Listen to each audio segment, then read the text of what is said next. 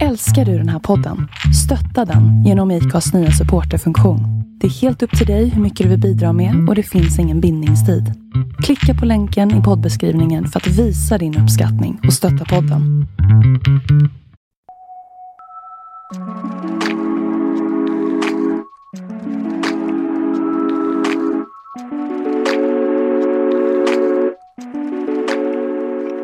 Under sommaren 2021 blossade upp en debatt kring så kallad yoni-massage. Jag är inte superhaj på det här uttalet, men jag tror att det ska uttalas på det sättet. Några av Sveriges största kvinnliga influencers har uppmärksammat den här behandlingen sedan ett par år tillbaka.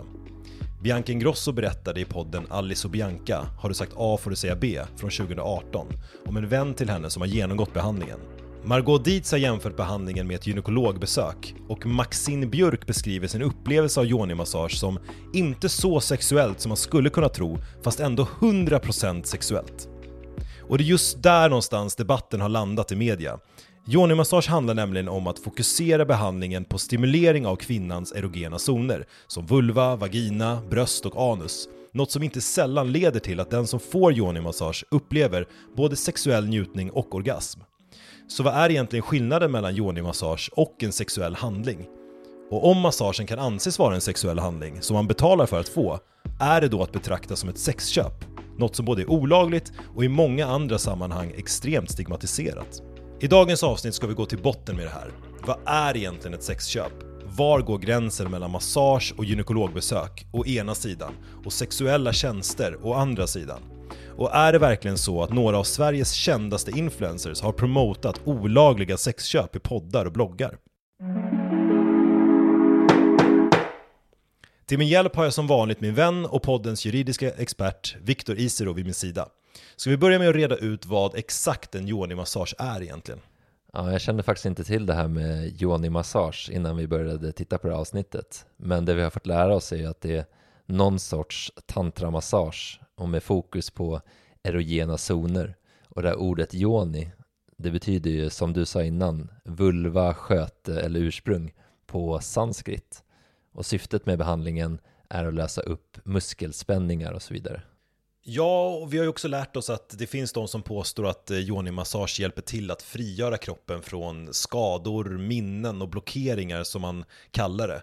Eh, och det finns även de som hävdar att behandlingen bland annat ska hjälpa mot så kallad vestibulit, något som dock saknar vetenskapliga belägg. På Wikipedia kan man läsa att massagen ska utföras som en helande ritual och involverar eteriska oljor, rogivande musik, tända ljus, allt för att etablera en lugn och trygg stämning. Den börjar med en konsultation där mottagaren eh, av massagen får uttrycka sina intentioner eh, med själva behandlingen vad som möjligtvis blockerar den sexuella lusten, eh, hur orgasmer känns eller inte känns. Och utförandet fortsätter sen med att mottagaren får börja med att ligga på mage, givaren masserar hela kroppen. Och när mottagaren är helt avslappnad, då fullföljs behandlingen med massage av kvinnans könsorgan, inräknat klitoris, g-punkten och andra känsliga områden. Det är inte ovanligt att mottagaren upplever en eller flera orgasmer under eller i slutet av massagen, även om det här inte är syftet. Influensen Maxine Björk beskriver till exempel sin upplevelse av behandlingen så här i ett långt inlägg på sin blogg. Det här är något jag absolut skulle rekommendera till alla kvinnor jag känner. Det är svårt att beskriva hur allt det här gick till i detalj, för det förstår inte ens jag. Jag var förmodligen i någon annan sorts dimension och ylade.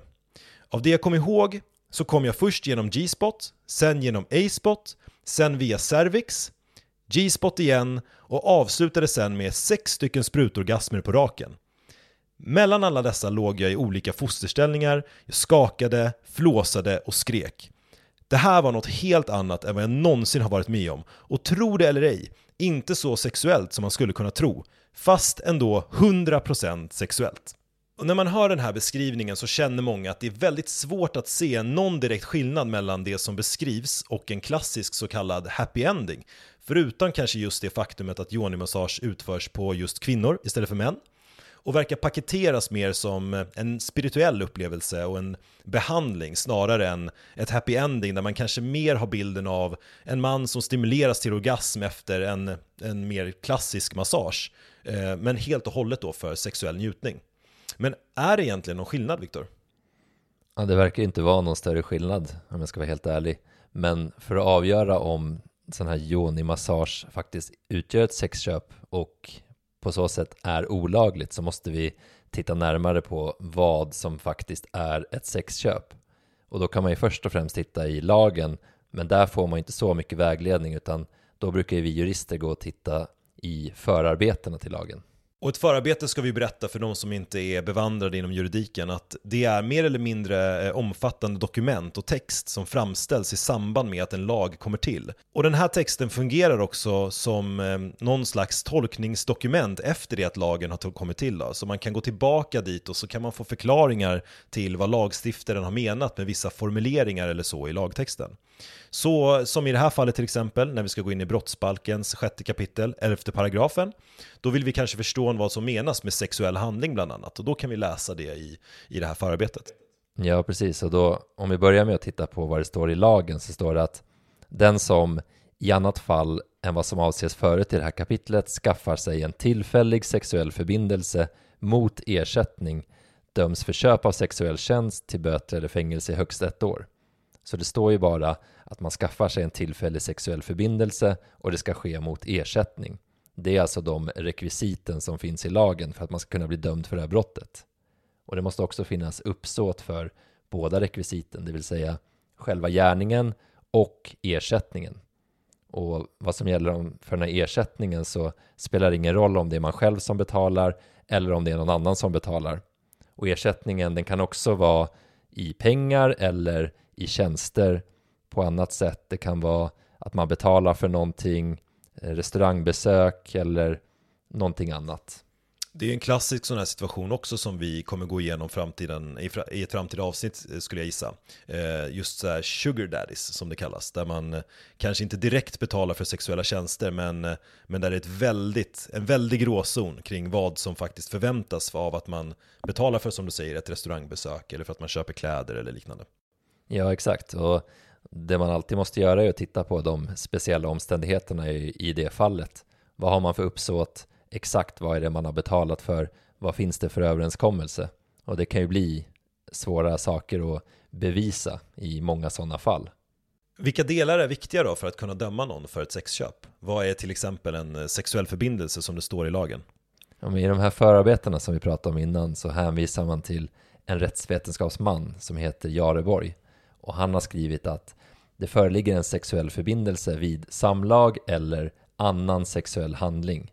Men han skriver också att till exempel striptease, nakenposering eller nakensällskap det utgör inte sexuella förbindelser. Och i förarbetena står det faktiskt inte så mycket mer om vad en annan sexuell handling förutom samlag är. Men då kan man titta på några rättsfall där man har gått in på det lite närmare. Och då har vi tittat på ett rättsfall från hovrätten och det handlade om en man som gick till en prostituerad för att få hjälp med impotensproblem. Och det han hade gjort var att han hade sökt på nätet på termen eskort. Och då hade han också fått kontakt med en kvinna som mot ett visst fast pris erbjudit en massagebehandling som hon rubricerade som tantrisk massage utan gränser. Och i den här domen så konstaterade hovrätten att den här mannens syfte att få hjälp med sina impotensproblem, de hade inte infriats eftersom han hade aldrig fått en erektion trots att han hade fått en sån här sensuell massage av en prostituerad. Och man kunde heller inte bevisa att han hade fått beröring av sitt könsorgan. För han hade bestridit att det var så och det gick inte att bevisa det. Men då ansåg hovrätten att eftersom syftet var att en betalning hade lagts och att massagen hade genomförts så skulle han bli dömd för försök till köp av sexuell tjänst, för det kan man också bli dömd för. Och det som är intressant här, som vi tycker är relevant i det här fallet när vi pratar om yoni-massage, det är att domstolen skrev att en utgångspunkt vid bedömningen av vad som anses utgöra annat sexuellt umgänge än samlag är att det har förekommit en någorlunda varaktig fysisk beröring antingen av den andres könsorgan eller av den andres kropp mot sitt eget könsorgan.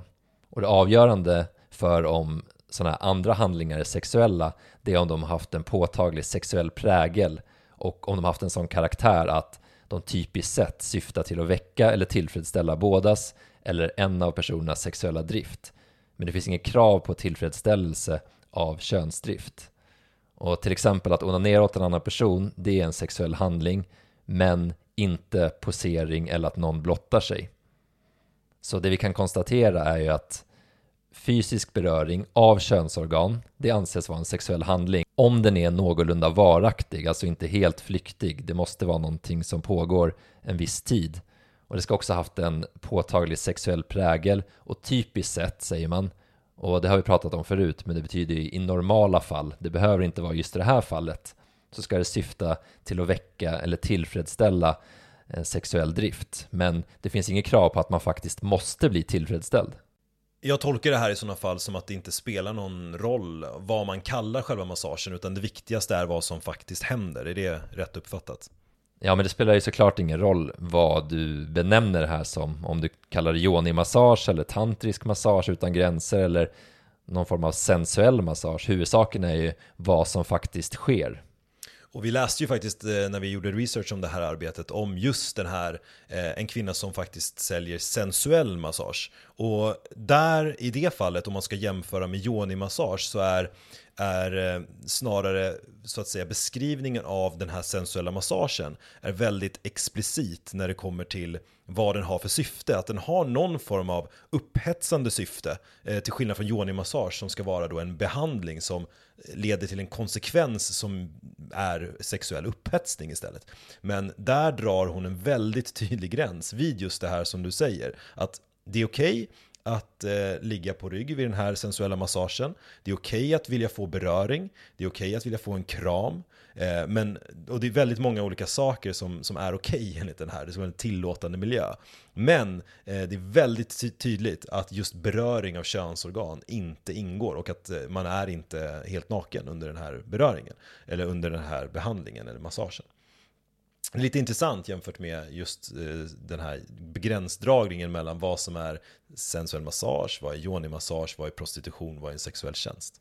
Ja, absolut. Och det man kan säga är väl att så fort det börjar bli någonting som handlar om att röra ett könsorgan så börjar man ju, om inte kliva över gränsen för vad som är acceptabelt så åtminstone vara väldigt nära den. Och det kommer vi gå in på lite närmare när vi diskutera lite andra fall och omständigheter här också. Jag tänker mycket på, om det nu är på det här sättet, eh, att det här, eh, att man skulle använda yoni-massage som en ursäkt för att kunna utföra sexuella tjänster, eller om man säger att yoni-massage inte är en sexuell handling.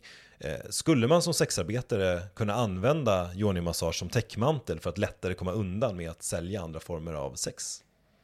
Ja, men om vi pratar om någon person som organiserar det här, alltså driver en rörelse med anställda, det kan vara flera anställda och man säljer en tjänst som innehåller sexuella tjänster. Alltså, låt säga att det är en yoni-massage och bara som ett exempel, om det skulle vara 90% att man knådar kroppen och 10% sexuell beröring så är det ju den sexuella delen som är relevant utifrån lagstiftningen. Och en person som driver en verksamhet och på något sätt främjar eller utnyttjar att personer har eh, tillfälliga sexuella förbindelser mot ersättning kan faktiskt dömas till hårda straff och då handlar det om koppleri eller man kan helt enkelt kalla det en hallick och då kan man riskera fyra års fängelse. Ja, SVT rapporterade ju faktiskt i somras om en terapeut som har tagit emot över 200 kunder i Partille för något som hon kallar Joni Mapping Therapy. Som eh, i princip är den här sortens behandling som vi har pratat om precis, alltså Joni-massage. Eh, eh, att hon på något sätt skulle kunna anses vara prostituerad enligt svensk lag, det är inget hon skulle vilja kännas vid överhuvudtaget. Och som vi nämnde här i början har ju även influensen Margot skrivit eh, 2017 att hon tycker det är märkligt att yoni-massage skulle ses som sexuellt och jämför behandlingen snarare med ett eh, gynekologbesök. Hon skrev då, eh, vem bestämmer vad som är rätt eller fel? Varför är det konstigare än en vanlig massage? Tycker ni att det är som att köpa sex? Vi går ju till gynekologen och kollar att allt är bra. Varför är det här mer tabu? Vad säger du om det här inlägget Viktor? Om man ska svara på den här frågan om vem som bestämmer vad som är rätt eller fel så är det ju ganska enkelt. Det är ju, vad som står i lagen är ju vad som är rätt eller fel rent juridiskt. Och sen är det ju domstolar som får bestämma om någon har överträtt någon lag. Men i det här fallet så har det väl inte varit helt glasklart, i alla fall från deras sida, alltså de som har fått de här behandlingarna utförda på sig och de som också har utfört behandlingarna. Så där skulle man väl kanske kunna kalla en lite juridisk gråzon. Men om man gör en jämförelse med att gå till en gynekolog så är väl syftet med det är att undersöka ens hälsa. Det kan ju vara till exempel om man har en könssjukdom eller någonting annat. Och i de fallen får det väl anses ganska sällsynt att eh, det skulle utföras handlingar av sexuell karaktär, alltså sådana som leder till orgasm i fallet, likt fallet med de här yoni-massagerna. Men om det är så att det sker en sexuell beröring vid ett gynekologbesök så kan man väl påstå att i regel skulle det kunna utgöra ett, eh, ett övergrepp, alltså mer än vad en gynekolog får göra, alltså till exempel en våldtäkt eller ett sexuellt ofredande, så då kan man ju säga att det är ganska stor skillnad mellan gynekologbesök och en yoni-massage, där själva fokuset verkar vara den här sexuella beröringen och en vanlig, om man ska kalla det bieffekt, är att den här mottagaren får en orgasm. Och man har väl hört talas om människor som är lite överkänsliga i princip för orgasm vid minsta lilla vidröring av könsorgan eller kanske även på ett annat sätt eh, från en gynekolog. Men ibland hör man väl kanske talas om människor som är överkänsliga och i princip får orgasm vid eh, minsta vidröring av könsorganet och då skulle väl det även kunna ske hos en gynekolog men det är nog extremt ovanligt och oavsett så ligger ju det inte i en gynekologs intresse eller uppdrag att utöva någon form av sexuell beröring. Jag tror knappast att någon gynekolog skulle uttrycka sig likt vissa av de här yoni-massörerna som vi hört om.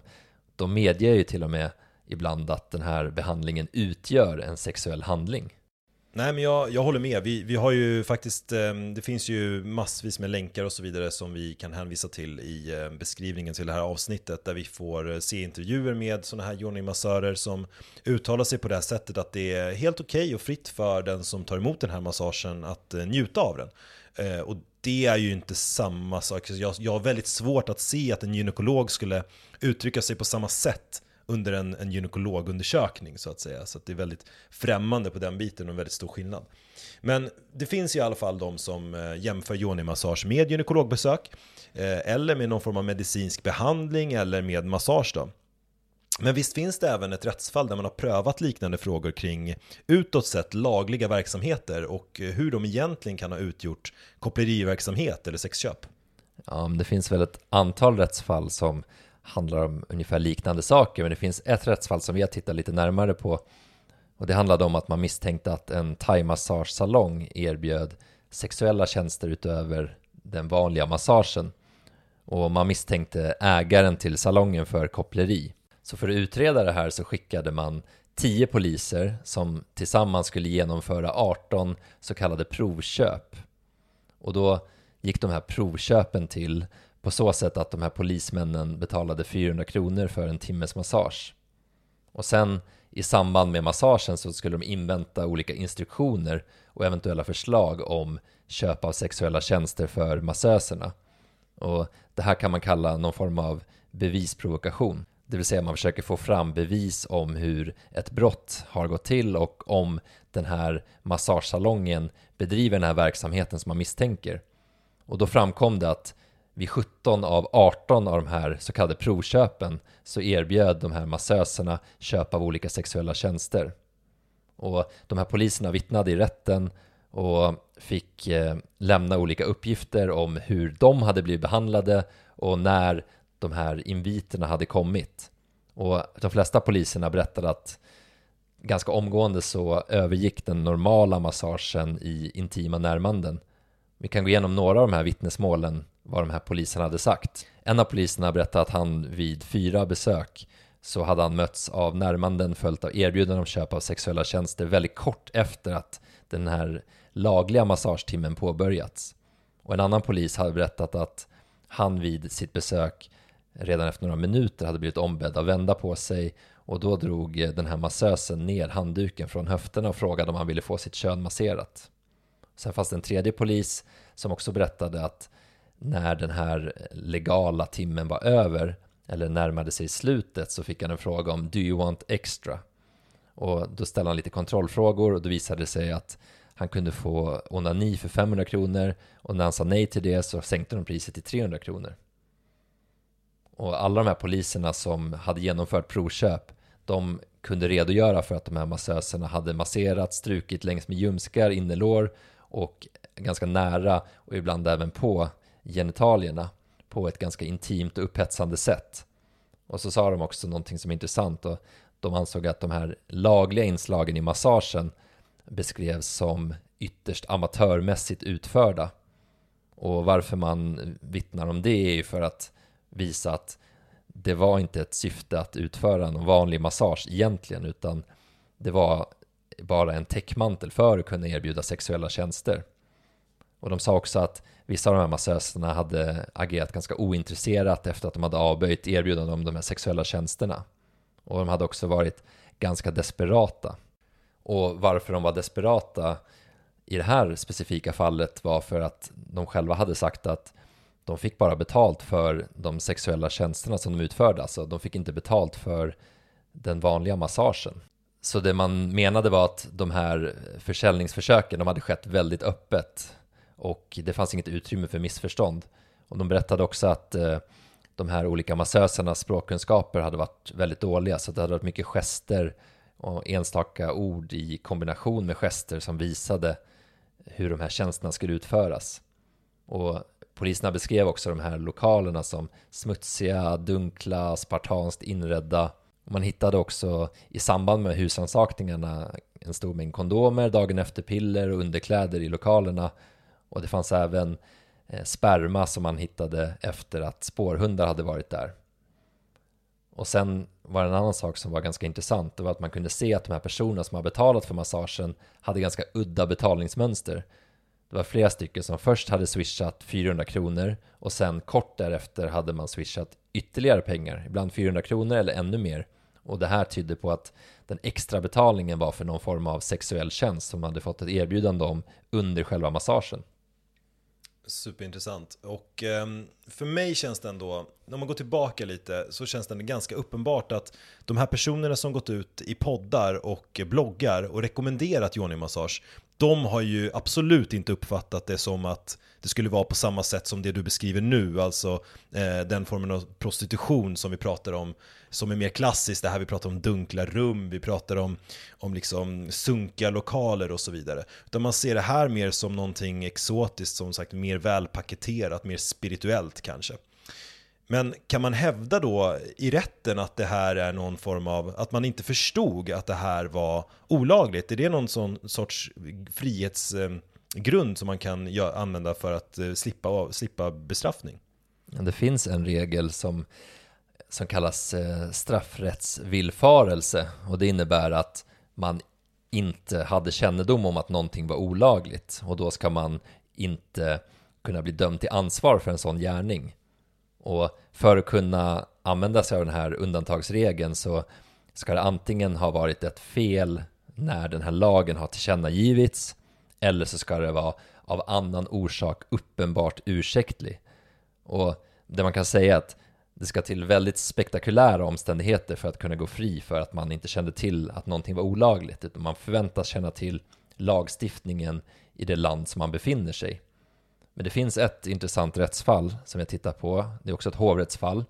Och då var det en sjuksköterska som eh, hon blev frikänd från ett åtal om dataintrång. Och då skulle hon ha begått det genom att obehörigen läsa en patientjournal.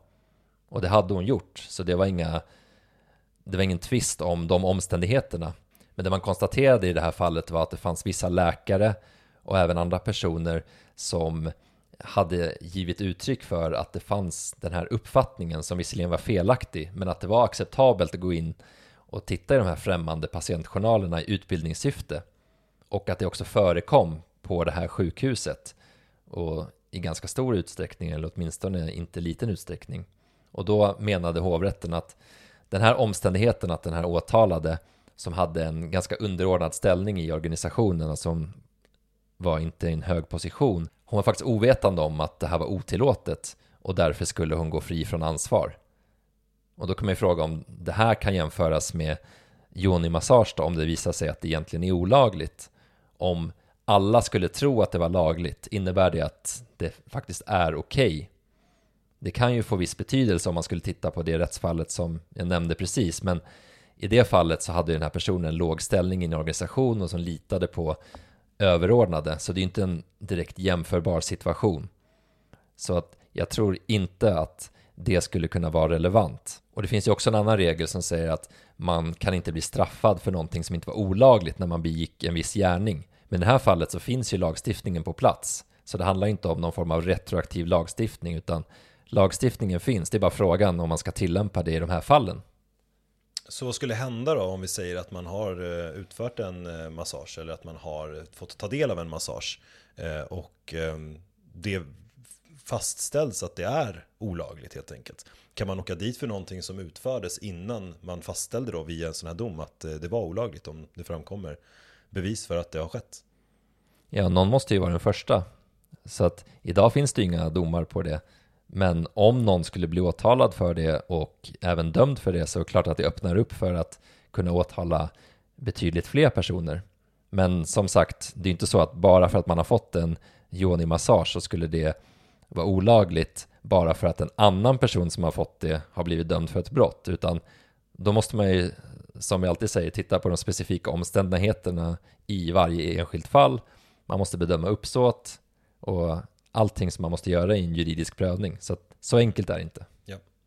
Och den här oförståelsen från förespråkarna för yoni-massage eh, kring att det skulle kunna vara olagligt. Eh, jag får en känsla av att det bottnar mycket i att man i stor utsträckning verkar ha samtyckt till att den här sortens behandling både blir utförd på sig och att man utför den, så att säga. Eh, man ser inte som något övergrepp och man ser inte heller som en sexuell handling. Även om det råder väldigt dubbla budskap just i den frågan då. Eh, men i vart fall verkar det i alla fall inte som att eh, vare sig givare eller mottagare som vi har hört i den här debatten hittills i alla fall anser sig ta någon, eh, eller anser sig ta någon skada av den här sortens behandling. Vem är det egentligen som lagen finns till för att skydda i det här sammanhanget? ja, men den här lagen tillkom i slutet på 90-talet så sa man att den här är till för att skydda de som tvingas sälja sex. Och regeringen anförde också att i ett jämställt samhälle så är det ovärdigt och oacceptabelt att män skaffar sig tillfälliga sexuella förbindelser med kvinnor mot ersättning. Även om den här lagen självklart gäller både för män och kvinnor så var ändå det som var utgångspunkten och man pratade om prostitution, då sa man att det medför allvarliga skador både för enskilda och för samhället och ett förbud mot köp av tillfälliga sexuella förbindelser också skulle markera samhällets inställning i den här frågan. Så det var ju lite av en moralfråga också. Men det var också en, en tanke att det skulle medföra ett visst skydd mot människohandel. Och det blir en svår fråga eftersom det finns ju säkerligen vissa som säljer sex helt frivilligt, både kvinnor och män, men lagen träffar ju faktiskt alla som köper oavsett. Oavsett om man köper av någon som är anställd i någon verksamhet, koppleriverksamhet eller om det är någon som är helt ensamstående i sin egen verksamhet. Men om någon blir skadad eller inte, det är ju som alltid beroende av omständigheter i ett enskilt fall. Det är klart att det är värre om det sker med tvång eller om det är väldigt hemska arbetsförhållanden och så vidare eller om det sker på en helt frivillig basis. Jag tycker det här är jätteintressant eftersom reaktionerna från influencers och utövare förefaller, eh, förefaller ganska starka. Och det är väl rimligt, alltså att man blir bestört över att eh, ses som prostituerad eller som en sexköpare. Det är absolut inte någonting som de uppenbarligen känner att de är. Men eh, här blir det också viktigt att se konsekvenserna av om yoni-massage skulle anses vara lagligt. Du nämner ju det Viktor, att lagen finns till mycket för att motverka sexhandel och skydda oskyldiga människor från att dras in i prostitution mot deras vilja.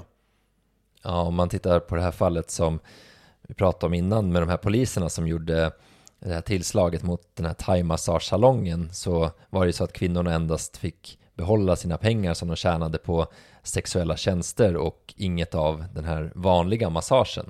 Och det skulle kunna bli så om man tillåter viss typ av verksamhet som ändå har inslag av sexuell handel att det utnyttjas av hallickar som vill ha en laglig verksamhet men ändå sälja sex och sälja prostitutionstjänster.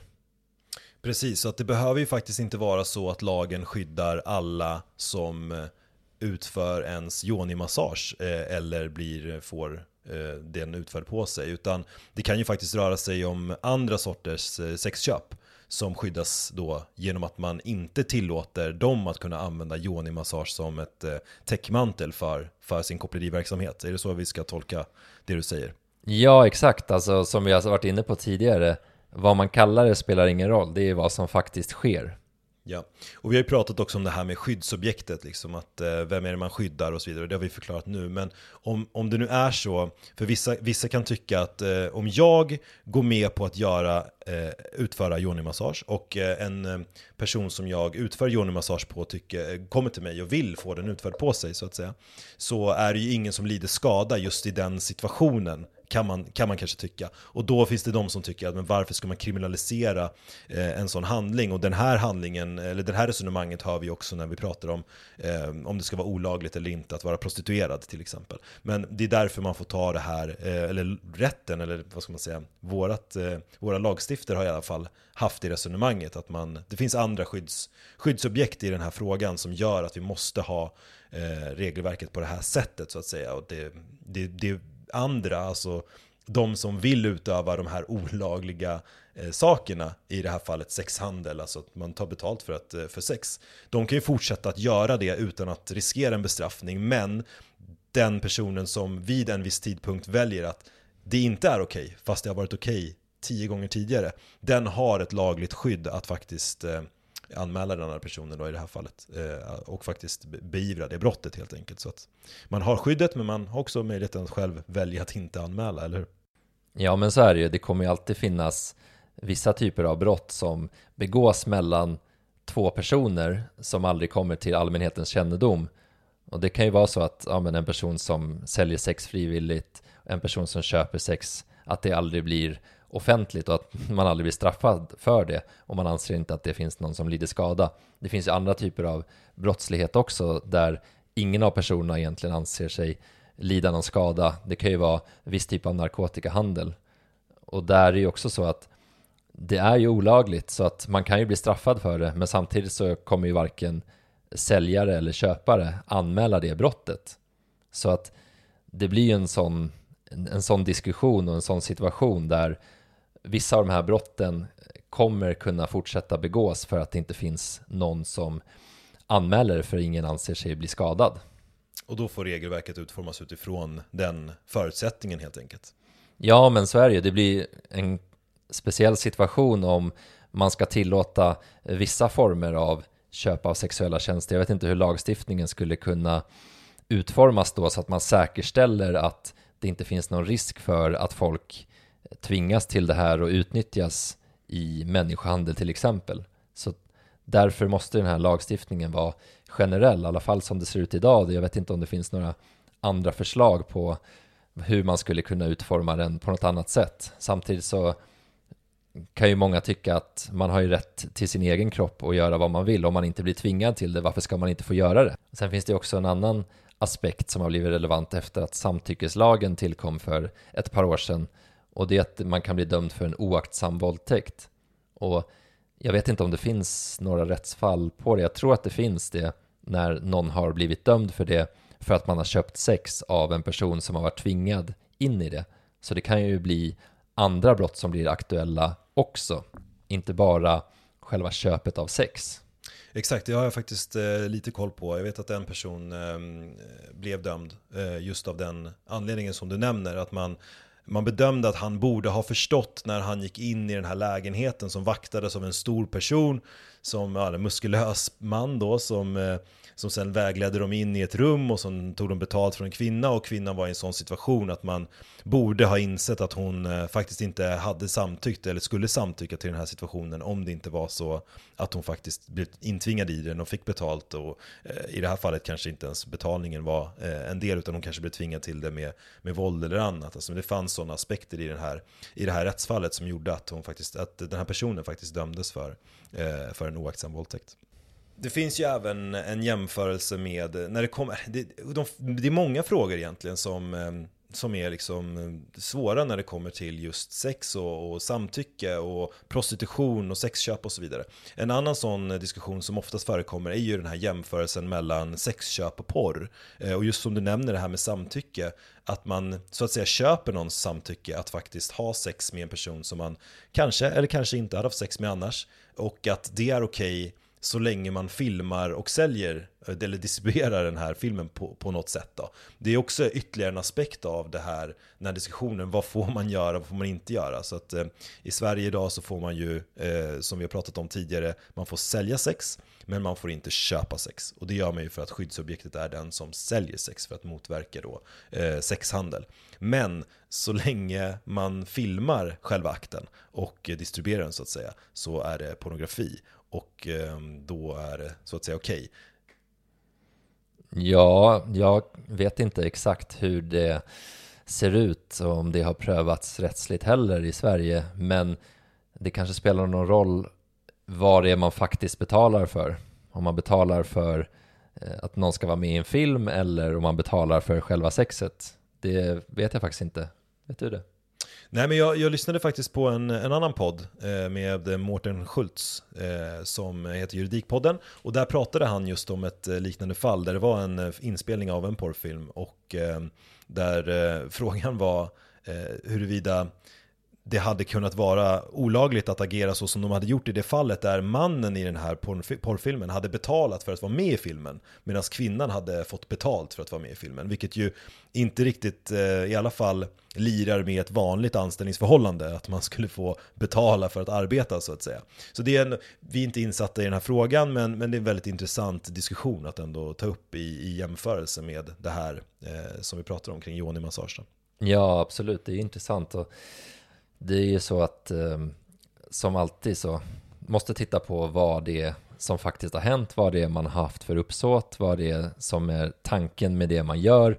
Och det kan ju vara att man har en, någon form av täckmantel för vissa typer av verksamheter och ja, då måste man ju se förbi det egentligen. Ja. Några nämner ju också att det här skulle kunna vara en könsfråga. Det är en kritik som, eh, i alla fall om man Eh, börja läsa vad två, tre inlägg på Flashback så kommer ju den ganska snabbt som ett brev på posten. Eh, vad, vad, vad, tycker du om det? Är det här liksom en fråga om att den kvinnliga kroppen anses inte lika eh, så att säga farlig eller, eller, liknande eller smutsig eller jag vet inte vad de, hur de uttrycker det i det här resonemanget men eh, liksom att, eller är det bara kanske den klassiska bilden av att män köper sex och kvinnor eh, gör inte det i, i lika stor utsträckning som, som gör att man kanske som en influencer, kvinnlig influencer, tycker att det här är fullständigt eh, normalt. Att man inte gör den här direkta kopplingen att bara för att man eh, får orgasm under en massage eh, som sker liksom, med, med väldigt, väldigt sexuella inslag så skulle det kunna utgöra sexköp. Ja, men det är bara att titta på det som vi pratade om tidigare, vad regeringen hade sagt när man införde den här lagen. Och det var ju ett kvinnoperspektiv såklart att man sa ju att i det här jämställda samhället så är det ovärdigt eller oacceptabelt att män ska skaffa sig tillfälliga förbindelser av sexuell natur med kvinnor mot ersättning. Så att det är ju kvinnan som är skyddsobjektet i den här lagstiftningen från början. Så det är inte så konstigt att man ser på det annorlunda, även om det inte borde vara annorlunda egentligen. För köp av en sexuell tjänst, det spelar ingen roll om det är en man eller en kvinna som köper det från en man eller en kvinna. Det är samma för alla. Så att det är självklart att det kan vara moralisk fråga hur man har sett på det här i samhället sedan tidigare och det har hängt med ända fram till idag. Sammanfattningsvis då, hur tänker man som jurist kring hela den här diskussionen? Du nämner ju att det är en gråzon.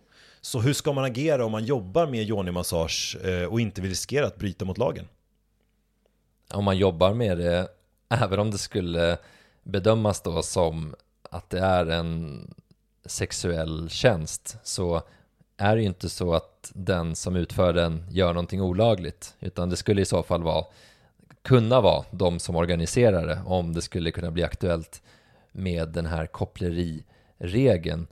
Men som det ser ut idag så har det här inte prövats men utifrån de vittnesmål som vi har läst i olika bloggar och de artiklar och vi har även läst vissa åklagare som har uttalat sig om det här så är det ju definitivt i farans riktning som man brukar säga att det här skulle kunna vara någonting olagligt för den som köper den här massagen om de här sexuella inslagen faktiskt finns med. Och om vi ska ta backa bandet och, och tänka efter så att om man är en sån som vill eh, köpa yoni-massage eh, så vet man nu då att då är man i gränslandet för att faktiskt köpa sexuella tjänster. Och vad är det då man måste vara vaken på, de här olika aspekterna som vi har nämnt, som är viktiga att tänka på eh, utifrån gränsdragningsproblematiken för när en massage går över till att vara en sexuell handling och därmed riskerar att vara eh, eh, ett, ett sexköp. Ja men vi har ju de här olika momenten, de här vidrörandet av könsorganet som inte är tillfälligt, om det har en sexuell prägel, om det typiskt sett leder till en form av upphetsning. Och oavsett om man blir upphetsad eller inte, det spelar liksom ingen roll. Det är inte det som är relevant, hur man faktiskt känner sig.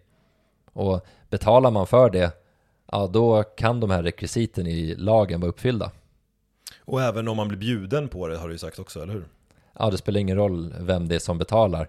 Men då ska man ju faktiskt ha uppsåt till att det finns någon som betalar. Så låt säga att man tror att det här är någonting som man får gratis. Eller om att det är någon som gör det här frivilligt helt utan någon form av betalning. Ja, då finns ju faktiskt inte det momentet med. Då har man inte, ingen har betalat någonting för det och då är det inte olagligt. Och om man tror att man ska få en vanlig massage och sen så eh, börjar det så att säga eh, steg för steg gå mot en mer sexuell massage, alltså att man kanske börjar med att man måste klä av sig och att de sen börjar vidröra ens erogena zoner. Hur ska man agera då? Alltså när ska man, liksom, för att själv då inte behöva riskera att begå ett brott, eh, när ska man säga stopp?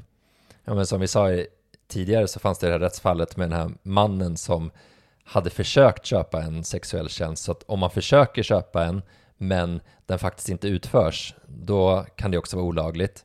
Men om man inte har försökt köpa en sexuell tjänst, man tror inte att någonting sånt ska ske, då har man inte haft något uppsåt till det. Men sen när det väl börjar ske, om det nu gör det, då bör man ju avbryta det så fort som möjligt. Och om man faktiskt inte har varit inställd på att få en eh, sexuell behandling utförd på sig, då har man kanske inte samtyckt till det heller. Så då kan ju det vara så att man själv blir utsatt för ett övergrepp. Och då blir det ju en helt annan fråga. Då är det ju den som faktiskt utför det här på dig som kan begå ett brott, som någon form av ofredande eller till och med en våldtäkt. Ja, mycket att tänka på i de här situationerna.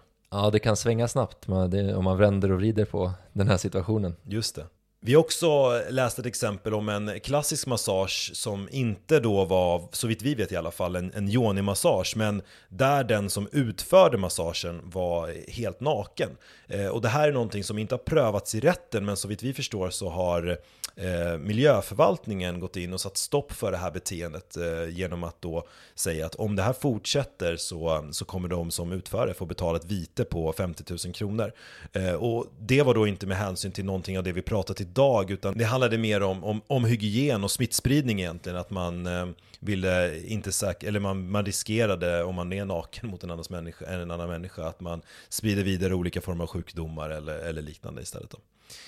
Är det någonting du vill avsluta med Viktor? Alltså vi får väl se om det blir några sådana här fall av eh, yoni-massage som kommer upp i rätten och där man ska pröva om det här är olagligt eller inte. Men återigen, det spelar ingen roll vad man kallar det utan det är vad som faktiskt sker som är relevant. Och för att det ska bli någon form av prövning så det måste ju vara någon som anmäler ett brott så att det kan tas upp av polis och åklagare och sen utredas. Och vad vi vet idag så har inte det gjorts. Så att det här är fortfarande någon form av gråzon, i alla fall i den mening att det har inte prövats rent rättsligt. Du har lyssnat på det sjätte avsnittet av Folkets Domstol Podcast. Eh, om du tycker om det som vi gör och vill höra mer så stötta oss gärna genom att prenumerera där du lyssnar på poddar. Sprid podden, tipsa dina vänner. Eh, det uppskattas otroligt mycket av oss. Du når oss också med frågor på info.folketsdomstol.se eller framförallt på våran Instagram där vi heter Folkets Domstol. Där lägger vi också löpande upp olika förklaringar på intressanta eller aktuella juridiska frågor som man kan dela eh, eller enkelt gå tillbaka och ta del av. Tack för att ni har lyssnat.